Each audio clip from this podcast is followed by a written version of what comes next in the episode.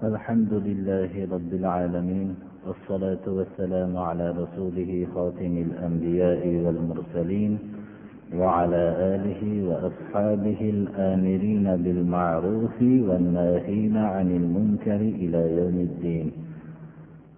أما بعد السلام عليكم ورحمة الله. Bugungi kun zulqada oylarining o'n beshinchi juma kuni. Alloh subhanahu va taolo juma namozimizni shu haftadagi juma namozi avvalgi hafta bilan keyingi hafta o'rtasidagi gunohlarga kafforat bo'ladi degan haqiqiy juma namozlaridan qilgan bo'lsin. Qur'oni karimdan davom etib kelayotgan darsimiz sura baqaraning avvalgi birinchi porasi tamom bo'lgan bo'ldi. Ikkinchi porasini inshaalloh davom ettiramiz. Bu bugungi darsimiz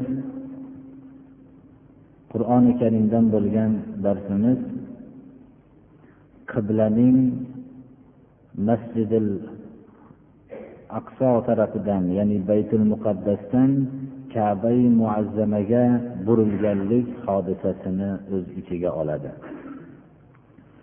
Va bu qibla o'zgarishligi sababi bilan dinning dushmanlari bo'lgan ahli kitoblarning islom millatining o'rtasida ko'p fitnalarning tarqatganligi va bu fitnalarni alloh subhanahu va taolo rasululloh sollallohu alayhi vasallamga qanday bu fitnalarga munosabatda bo'lishligi uchun yo'llanmalarni nozil qilgan mana shu nozil qilingan yo'llanmalarni bugungi darsimiz o'z ichiga oladi. Shu hodisaga taalluqli bo'lgan rivoyatlarning aytishicha makkadagi musulmonlar kabaga namoz farz qilingandan tortib ibodat qilib kelishardilar lekin bu kabaga o'zlari yo'nalib kelishliklari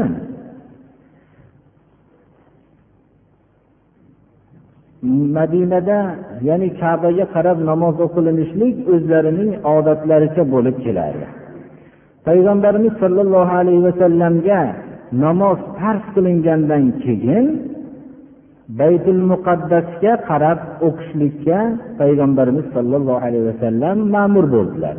Bu ma'mur bo'lgan buyruq qur'oniy iborada bo'lmasa ham alloh subhanahu va taolo payg'ambarimizga vahiy bilan bildirgan edi. Kabaga bo'lgan burilish qur'oni karimda sarih bayon qilingan.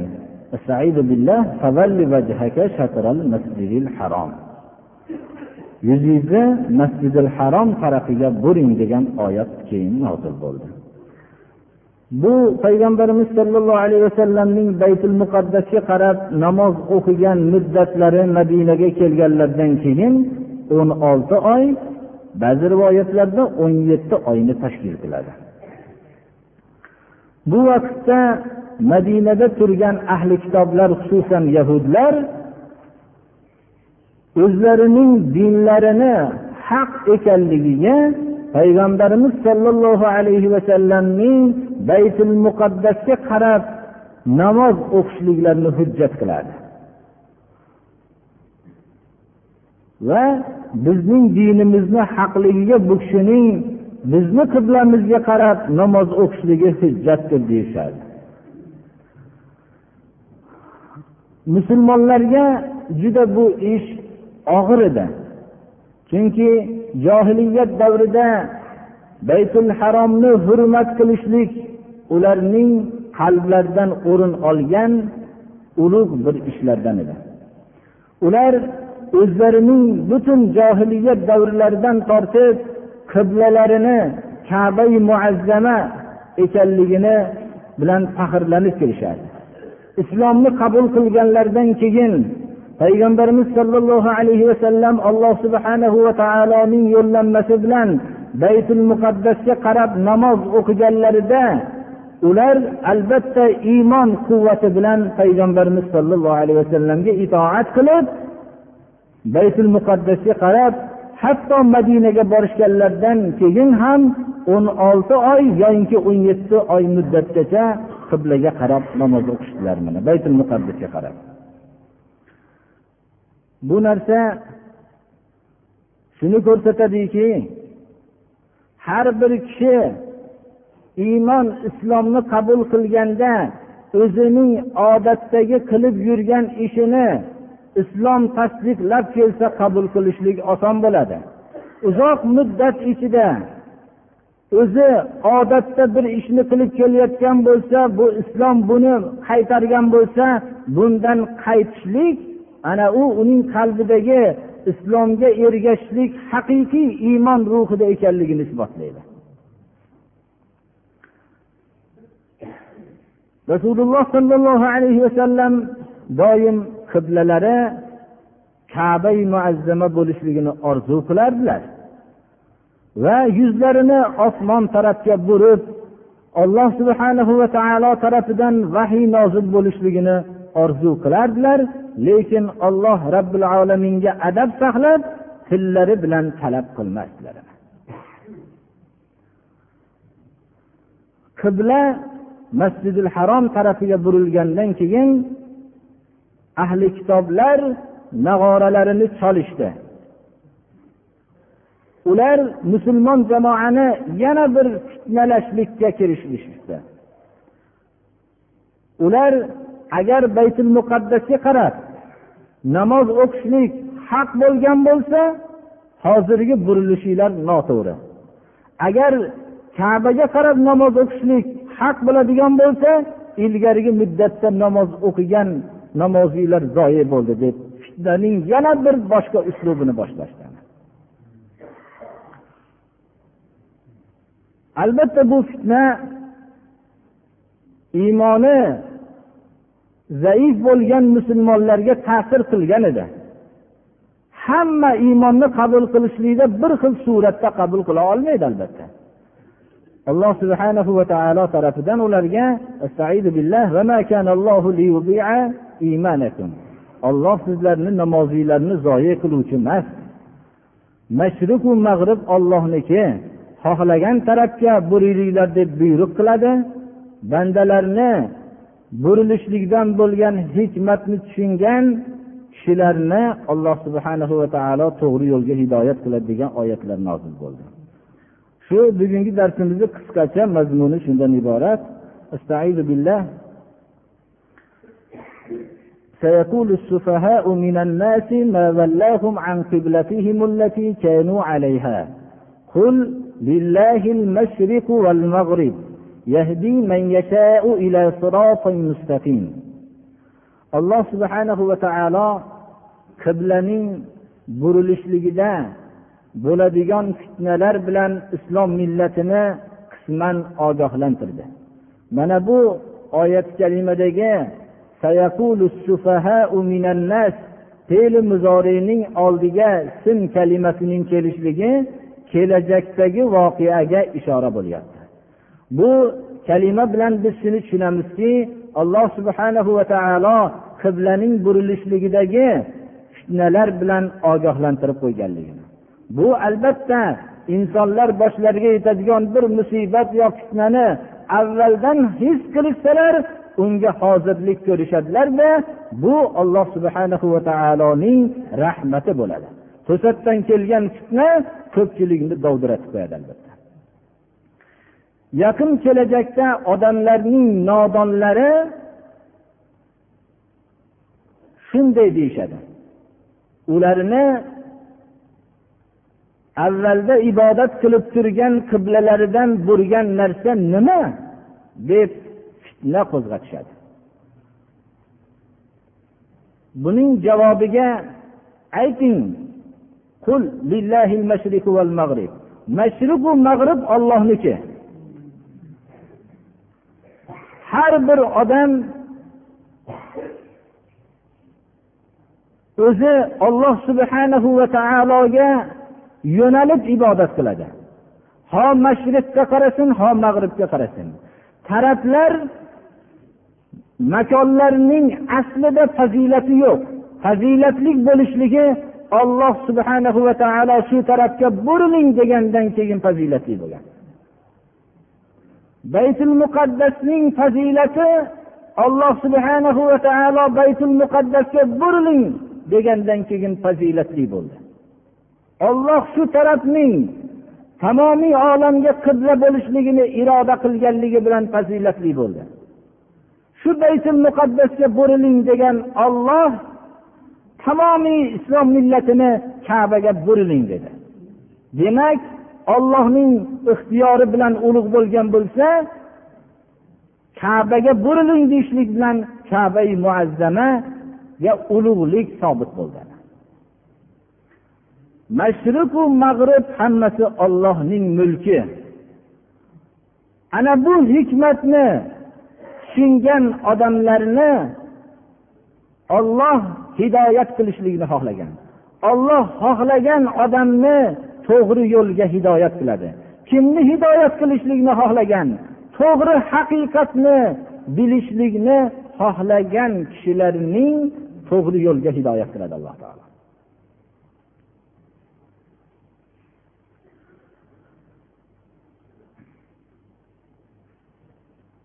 Islom millati uchun imtiyozlik qiblani tayin qilgandan keyin alloh subhana va taolo albatta islom millati boshqa millatlardan imtiyozlik demak aqidada imtiyozlik bo'lgandan keyin qiblasi ham imtiyozlik bo'lmoqligi kerak. Undan tashqari ulug' payg'ambarimiz ibrohim alayhissalomning va o'g'illari ismoil alayhissalomning qurgan bayti.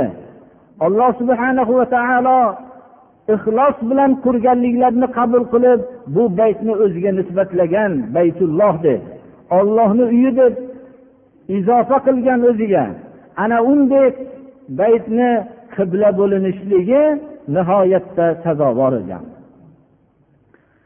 bu islom millatining davrini alloh subhanahu va taolo bayon qilib وكذلك جعلناكم أمة وسطا لتكونوا شهداء على الناس ويكون الرسول عليكم شهيدا biz islom millatini deydi alloh taolo islom yo'liga yo'llaganimizga o'xshash ey islom millati sizlarni o'rta ummat qildik ya'ni afzal ummat qildik har bir narsaning afzali o'rtasidir Biz sizlarni o'rta ummat qildik. Sizlar bu o'rta afzal ummat bo'lishlik bilan tamomiy odamlarga guvoh bo'lasizlar. Ularning to'g'ri noto'g'ri ekanliklarini bayon qilib berishlik bilan adolatni barpo qilishlik bilan guvoh millat bo'lasizlar. Chunki rasul sollallohu alayhi vasallam sizlarga guvoh. Orqada islom millatining orqasida payg'ambarimiz sollallohu alayhi vasallam islom millatining barhaq yo'liga guvoh shu sabab bilan islom millati butun tamomiy odamlarga guvohdir. Imom buxoriy rivoyatlarida nuh alayhissalomni va boshqa payg'ambarlarning hammalarini qiyomat kuni xalqlarga haqiqatni yetkazganligi haqida alloh subhanahu va taolo yetkazganligiga suol qilganda payg'ambarlar o'zlarining zimmalaridagi da'vatni yetkazish vazifasini o'taganliklarini e'lon qilganlarda ummatlar azobni ko'rib inkor qilishadilar. Nuh alayhissalom va boshqa payg'ambarlarning hammalarini ummatlari inkor qilishadi. Ming yilgi bo'lgan da'vatni hatto bizga yetkazmagan deb inkor qilishadi azobning ro'barasida turib ana shu vaqtda alloh subhanahu va taolo butun payg'ambarlardan hujjat so'raganda islom millatini payg'ambarimiz sollallohu alayhi vasallamning ummatlarini guvoh qiladi. Islom millati guvohlik beradi o'tgan payg'ambarlarning ummatlariga haqiqatni yetkazganligiga. Qayerdan bilganligini savol qilinganda islom millati qur'oni karim bizga nozil bo'lgan. Qur'oni karimda hamma payg'ambarlar o'zlarining ummatlariga haqni yetkazganligini xabar bergansan deb alloh subhana va taoloning huzurida hamma odamlar ustida guvohlik bo'ladi mana bu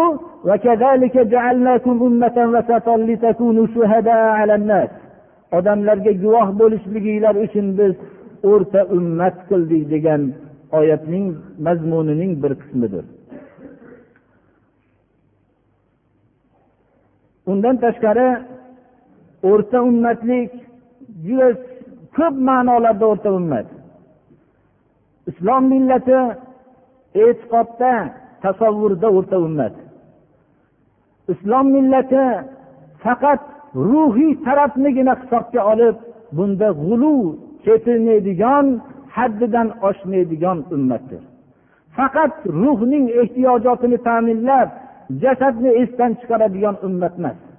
Xuddi bu nasorolarning peshvolari tarki dunyo qilib tog'i toshlarga chiqib turmushlardan voz kechib tirikchiliklardan voz kechib tarki dunyo qiladigan faqat ruh tomoniga e'tibor berib jasadni esdan chiqaradigan ummat emas.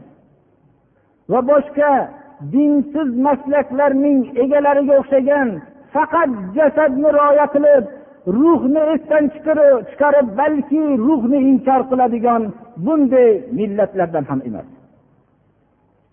Moddiy millatlar hammasi hayotning hammasini jasad deb hisob qilishadilar. Jasaddan boshqa narsani esdan chiqarishadilar. Ruhning ehtiyojotlarini berishmaydilar. Islom millati baxt saodatlikki o'rta ummat. Ruhning ham ehtiyojotini ta'minlaydigan jasad ehtiyojotlarini ham ta'minlaydigan o'rta ummatdir o'rta ummat o'zining nizom tuzumlarida xalqlar vositasini shaxs bilan jamiyat o'rtasini bog'lagan vositalarda ham o'rta ummat. Shaxsni ulug'lab bir shaxsni baland martabaga ko'tarib shu shaxsning yo'lida jamiyatlarni qurbon qilmaydigan ummatdir. Faqat jamoatchilikni rioyasida shaxsning shaxsiy huquqlarini ham poymol qilmaydigan ummatdir. O'rta ummat balki shaxs bilan jamiyat o'rtasidagi aloqalarni muvozanat bilan adolat bilan ushlab turuvchi o'rta ummatdir birodarlar. Yer yuzida juda ko'p maslaklar bor. Ba'zi maslaklar shaxsni bilan ulug'laydi. Bir shaxsning yo'lida jamiyatlarning qurbon bo'lishligini iqtisodiy boyliklarning shu shaxs yo'lida sarf bo'lib jamiyatlarning mahrum bo'lishligini e'tiborga olmaydigan maslaklar bor. Va buning muqobilida faqat jamoatchiliknigina rioya qilib bir shaxsning shaxsiy huquqlarini poymol qiladigan maslaklar ham bor. Islom ummati bo'lsa shaxsning ham shaxsiy huquqlarini poymol qilmagan holatda jamiyatning ham huquqlarini poymol qilmagan holatda ikkala shaxs bilan jamiyat o'rtasini muvozanat bilan adolat bilan ushlab turadigan o'rta ummatdir. Alloh subhana va taolo islom millatini ana shunday o'rta ummat qildik deyapti birodarlar. Islom millati makonda ham o'rta ummat edi. Yerning kindigidan islom tarqaldi. Yerning o'rtasidan dunyoga islom nuri tarqaldi.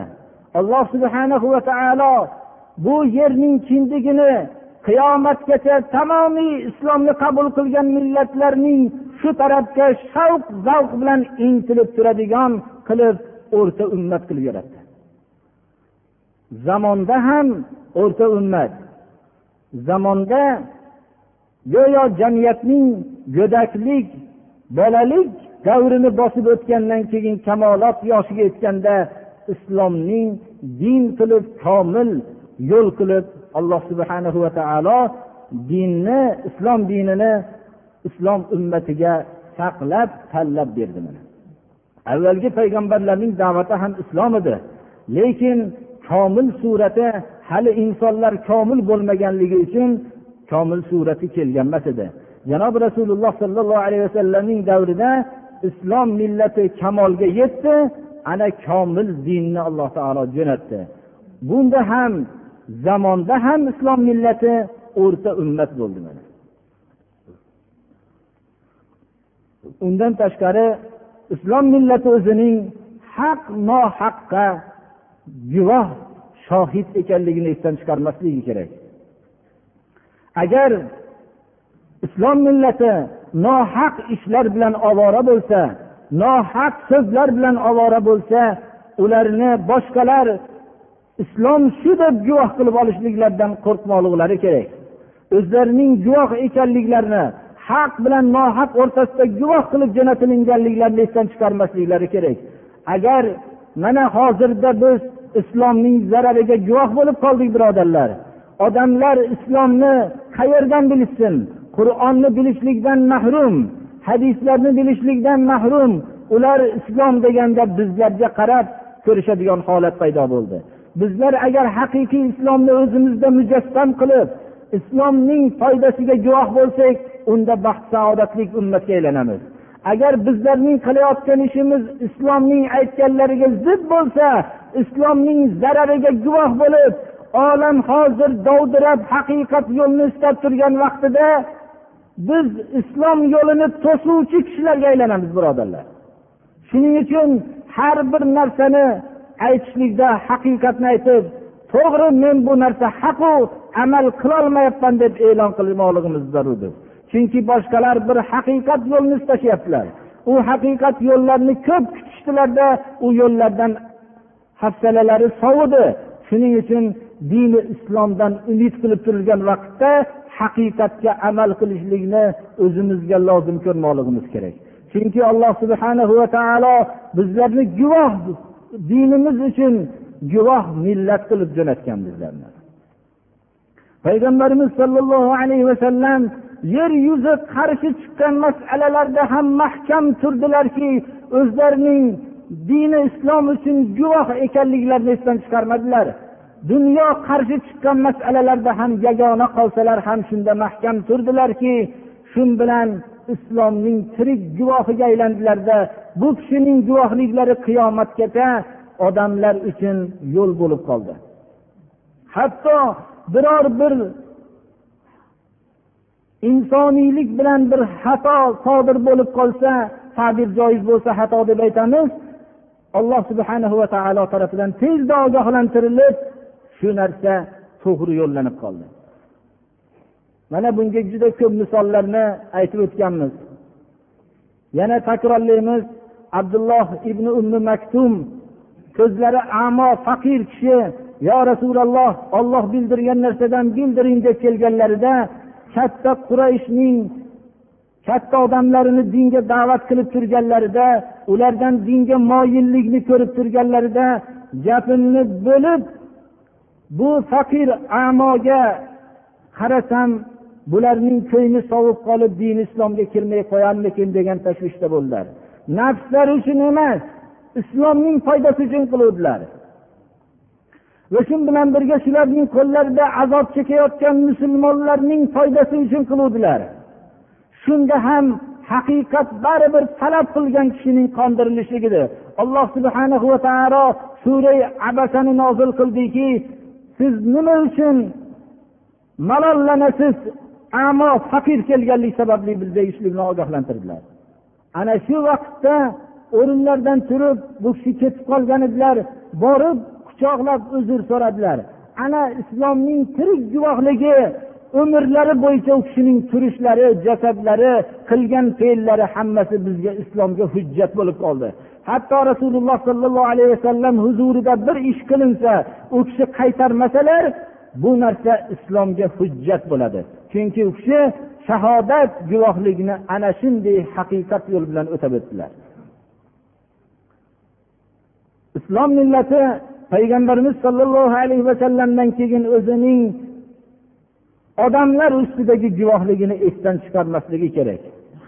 Afsus ming afsuslar bo'lsinki biz dinimizning zarariga hujjat bo'lib qoldik. Dinimizning zarariga guvoh bo'lib qoldik. Xalqlar bizlarning qilgan ishlarimizni ko'rib salim aqllariga to'g'ri kelmagandan keyin dindan voz kechishib ketishib qoldilar. Lekin dindan voz kechib dindan yaxshi narsani topisholmadilar ular endi istashgan narsalardan afsalalari sovidi endi yana islom tarafiga yo'nalishmoqdalar.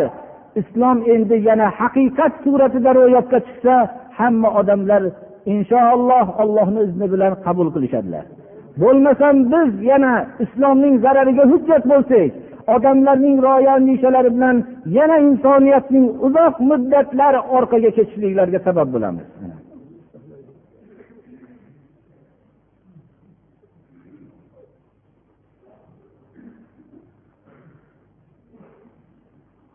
alloh subhanahu va taolo avvalda baytul muqaddasni qibla qilib ixtiyor qilishlikni dagi hikmatni ochib quyidagi oyatni nozil qildi وما جعلنا القبلة التي كنت عليها إلا لنعلم من يتبع الرسول ممن ينقلب على عقبيه biz ey muhammad alayhissalom deydi alloh taolo siz ilgari ibodat qilgan baytul muqaddasni qibla qilishligimiz sizga payg'ambariga haqiqiy ergashgan bilan ergashmasdan orqasiga chekinganni ma'lum qilishligimiz uchun baytul muqaddasga sizni burdik. Haqiqatda butun uzoq muddat ming yillab kabaning ulug'lab kelgan johiliyat davridagi makkadagi mushriklarga islomni qabul qilishganlaridan keyin shunday uzoq muddatdan bobomiz ibrohim alayhissalomning qurgan baytidan baytul muqaddasga xususan o'zlarining g'animlari bo'lgan yahud ahli kitoblarining qiblasiga burilishlik juda og'ir ish edi. Lekin alloh subhanahu va taolo qalblarning faqat o'zi tarafiga xolis bo'lishligini xohlaydi. Ularning uzoq yilgi odatlarinidan judo bo'lib haqiqiy ollohni buyrug'iga bo'ysunyaptimi insonlar yo uzoq muddatdan odatlanib qolgan narsasini islom quvvatlaganligi uchun bo'ysunishyaptilar. Shuni farqini qilishlik uchun alloh subhana va taolo qiblaning oldin baytul muqaddasga burishlikdagi hikmatni bayon qilib mana shu oyatni nozil qildiki ana endi uzoq muddat kabaga burilib ibodat qilib kelayotgan makkalik musulmonlar baytul muqaddasga alloh subhanahu va taoloning buyrug'i bilan burilishdilar. U hali aytib o'tganimizdek sarih qur'oniy ibora emas edi. Payg'ambarimiz sollallohu alayhi vasallamga bildirilgan vahiydi ana baytul muqaddasga hatto madinaga borganlaridan keyin o'n olti oy yo o'n yetti oy muddatda ibodat qilishganlaridan keyin qalblar ollohga xolis bo'lgandan keyin kabaga burilishlikka bo'lgan buyruq keldi sarih oyat bilan keldi. Ana u vaqtda endi kabaga burilishlik ham avvalda bobolarimizdan qolgan qiblaga degan e'tiqod bo'lgan bo'lsa endi ollohning buyrug'i bilan burildik degan qalb paydo bo'ldi.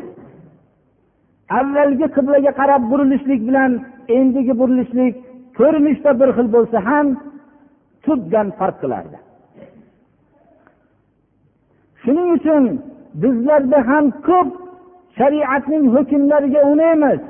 Modomiki o'zimizning ota bobolarimizdan kelayotgan yo ra'ylarimizga muvofiq bo'lgan narsalar bo'lsa ammo uzoq muddat qilib kelgan narsamizning aksi qur'oni hadisdan chiqib qolsa bundan voz kechishlik insonning qalbidagi iymonni ko'rsatadi.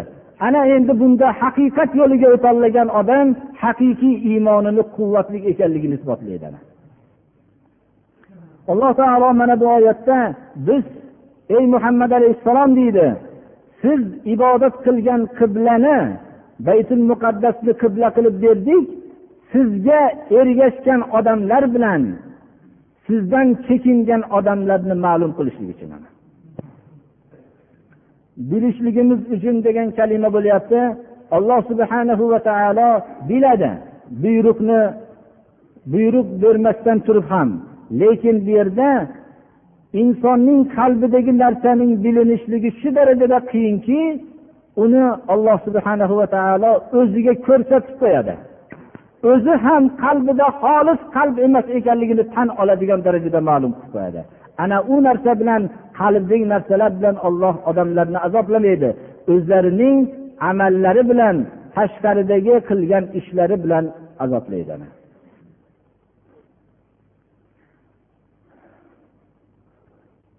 وإن كانت لكبيرة إلا على الذين هدى الله haqiqatda inson uzoq muddat odatlangan narsasidan voz kechishligi juda qiyin alloh subhanahu va taolo bu narsani bayon qilib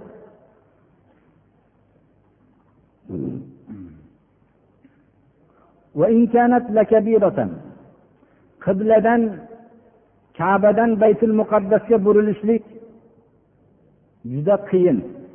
Buning og'irligida shak shubha yo'q edi. Lekin olloh hidoyat qilgan kishilarga yengildir. Olloh baytul muqaddasga burilishliklari nima uchun edi?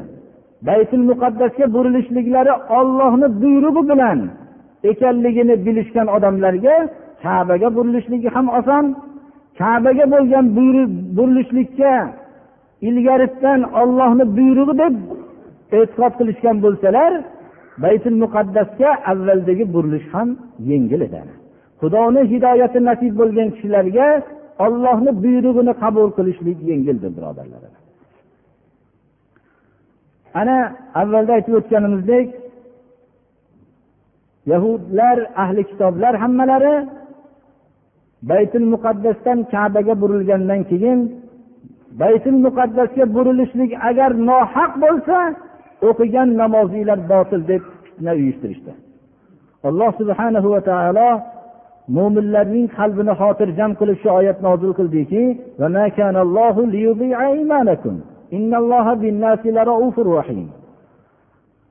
olloh sizlarning namozinglarni zoye qiluvchi emas. Baytul muqaddasga qarab bo'lgan namoz ollohning buyrug'i bilan bo'lgan u namoziylarni zoya qiluvchi emas olloh odamlarga qiyinchilikni ixtiyor qiladigan zot emas olloh mehribon rahmdil zotdir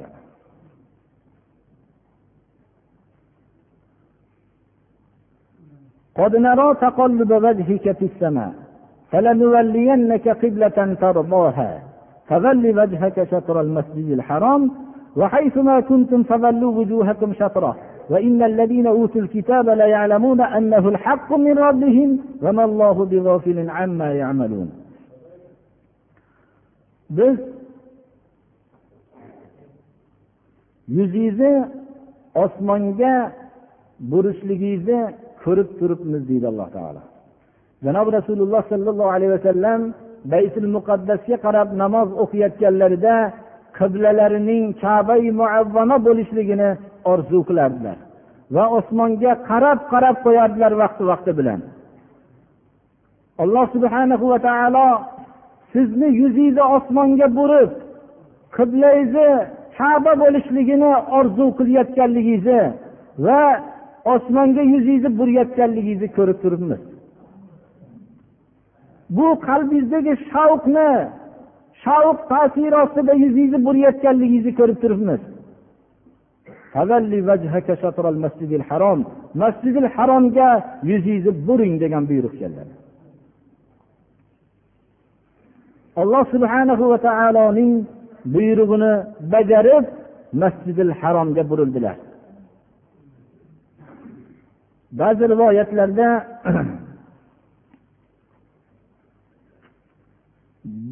baro ibn ozibdan rivoyat qilinadiki payg'ambarimiz sollallohu alayhi vasallam madinaga kelganlarida qarindoshlarinikiga tushdilar. Ansorlardan qarindoshlari bor edilar. Baytul muqaddasga qarab ilgari madinada aytib o'tganimizdek o'n olti oy yo o'n yetti oy muddat namoz o'qidilar. U kishini ajablantirardiki qiblalari masjidil harom bo'lishligi.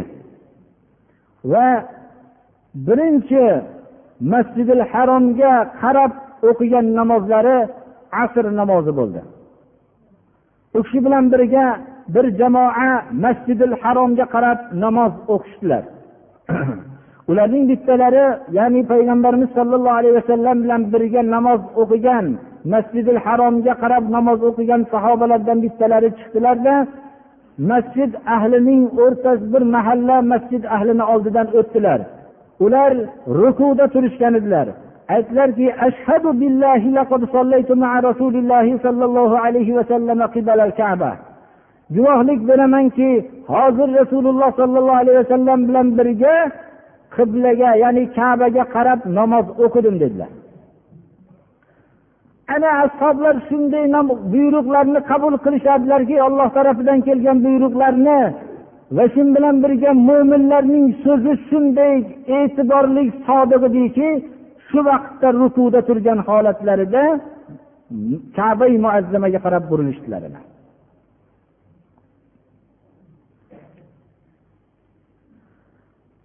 mana bu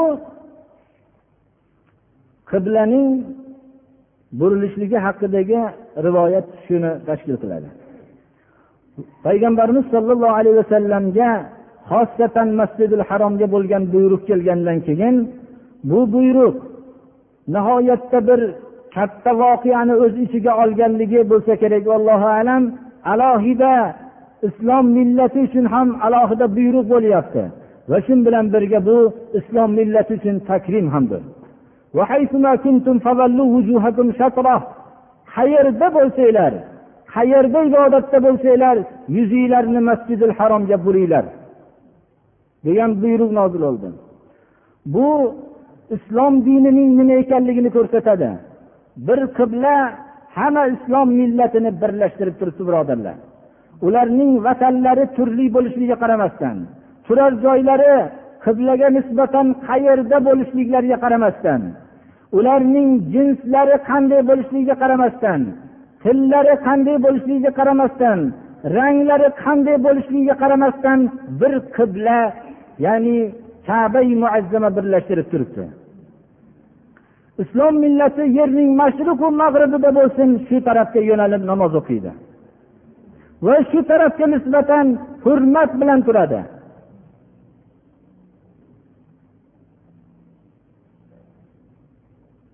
Islom millati bir ma'budga ibodat qiladi bir payg'ambarga iymon keltiradi bir qiblaga yo'naladi. Ana shunday qilib islom millatini alloh subhana va taolo birlashtirdi. Ma'budida birlashtirdi payg'ambarida birlashtirdi qiblasida birlashtirdi. Vatanlar jinslar ranglar millatlar qanday bo'lishligidan qat'iy nazar birlashtirdi. Bu ruh xalqlar o'rtasida umumlashdida hamma millatdan islom dinini qabul qilgan yer kurrasida millatlar vujudga keldi. Har qanday millat islomni qabul qilganda o'zida hech qanday bir xorlikni his qilmadi.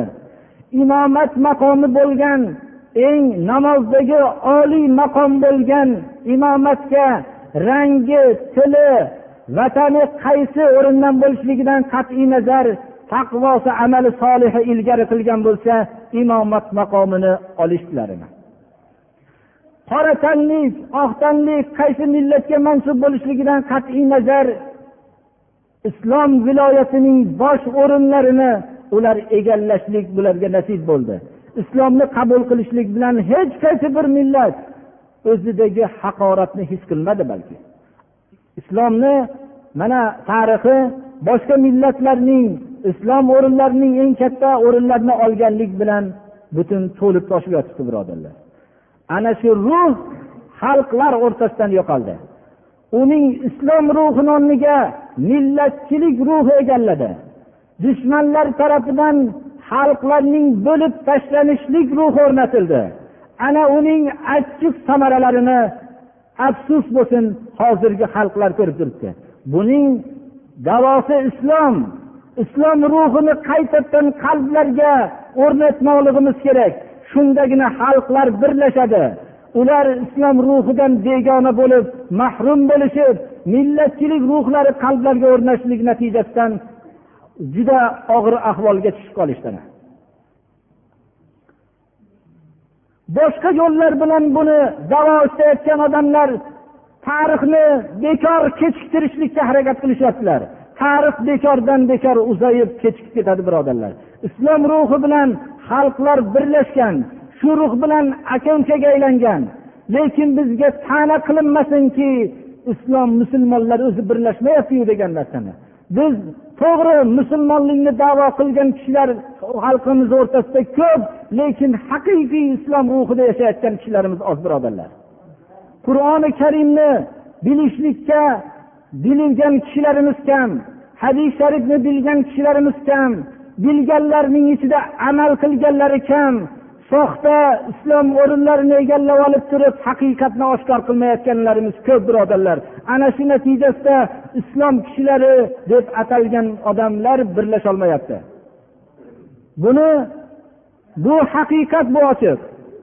Xalqlar o'rtasidagi nizolarning kelib chiqishligi hammasi islom ruhining yo'qolganligidan va g'animlarning hamma nayranglariga aldanib qolganligidan birodarlar bu mana bu bizning ma'budimiz bir bo'lsa payg'ambarimiz bir bo'lsa qiblamiz bir bo'lsa alloh subhana va taolo islomni bizga ixtiyor qilgan bo'lsa. Lekin ba'zi masalalarda ixtilof bo'lishligi tabiiy. Shu vaqtda biz nima qilmoqligimiz kerak? Havolarimizga murojaat qilmasligimiz kerak. Ma'lum bir muddat musulmonlarga boshliq bo'lib yurganligimizga suyanmasligimiz kerak. Bu vaqtda faqat olloh rasulini so'ziga murojaat qilishligimiz kerak. Agarki shu olloh rasulini so'zi haq albatta bo'lar ekan bizni so'zimizga butun yer yuzini sezib bir tomonda tursa alloh rasulini so'ziga murojaat qilishimiz kerak. Shundagina birlashligimiz mustahkam bo'ladi. Havolar bilan birlashishlik foyda bermaydi birodarlar.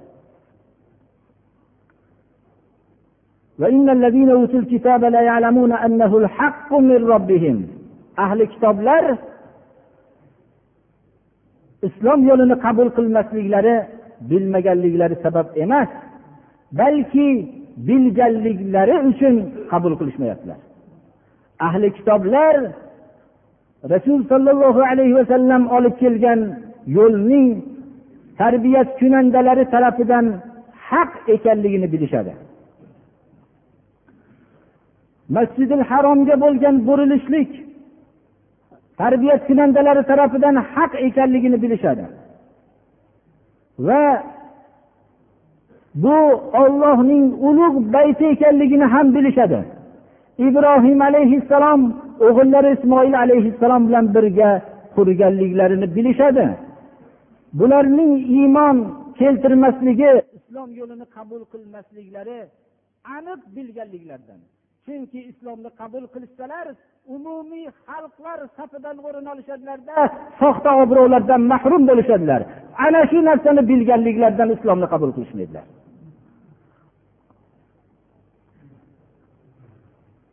Islomni ham ko'p qabul qilmayotgan haqiqatni qabul qilmayotgan kishilar bu haqiqatni qabul qilganda soxta obro'laridan xalq o'rtasidagi yuzaki obro'lardan mahrum bo'lishliklarini qat'iy bilishadilar. Shuni bilganliklaridan haqiqatni qabul qilishmaydilar. O'ylamangki haqiqatga dalil kerak emas haqiqatning o'zi haq ekanligi dalilligiga kifoya qiladi. Lekin ular haqiqatga bilib turib qarshi chiqishadi va shunga makr hiylalar qilishadi. Musulmonlar bu makr hiylalardan ko'p g'amgin bo'lishmasin. Ahli kitoblarning qilayotgan makrlaridan olloh g'ofil emas.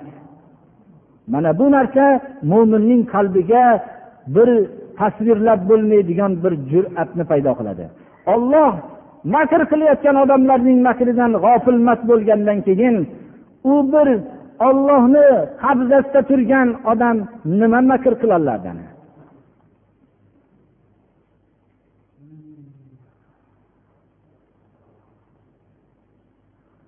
ba'zi biz tushunchalarimizni mana bu oyatlardan juda ko'p xulosa o'zimizga ajratib olishimiz kerakki ko'pchiligimiz haqiqatga unaymiz. Modomiki bu haqiqat o'zimiz qilib kelayotgan ish bo'lsa. Bu haqiqatni olloh tarafidan kelgan deb unashlik emas birodarlar. Haqiqatga unaganligimiz qachon ma'lum bo'ladi? Bir haqiqat aytilganda bizning odatdagi ishimizdan tashqari edi uni ko'p vaqt biz qilib kelgan edik. Bu haqiqat bizning fe'limizni noto'g'ri ekanligini isbotlayapti. U oddiy bir kimsadan sodir bo'lyapti. Ana shu vaqtda qabul qilganimizda haqiqatga ergashishlikni davo qilaylik birodarlar. Hozirda ham islomni hukmlarini qilayotgan kishilar ko'p lekin uni ilgaridan qilinib kelayotganligi uchun qilayotganlar. Biror bir o'zlarining qilayotgan ishlariga zid bo'lgan haqiqat chiqib qolsa uni qabul qilmasliklari shuni hujjati bo'ladi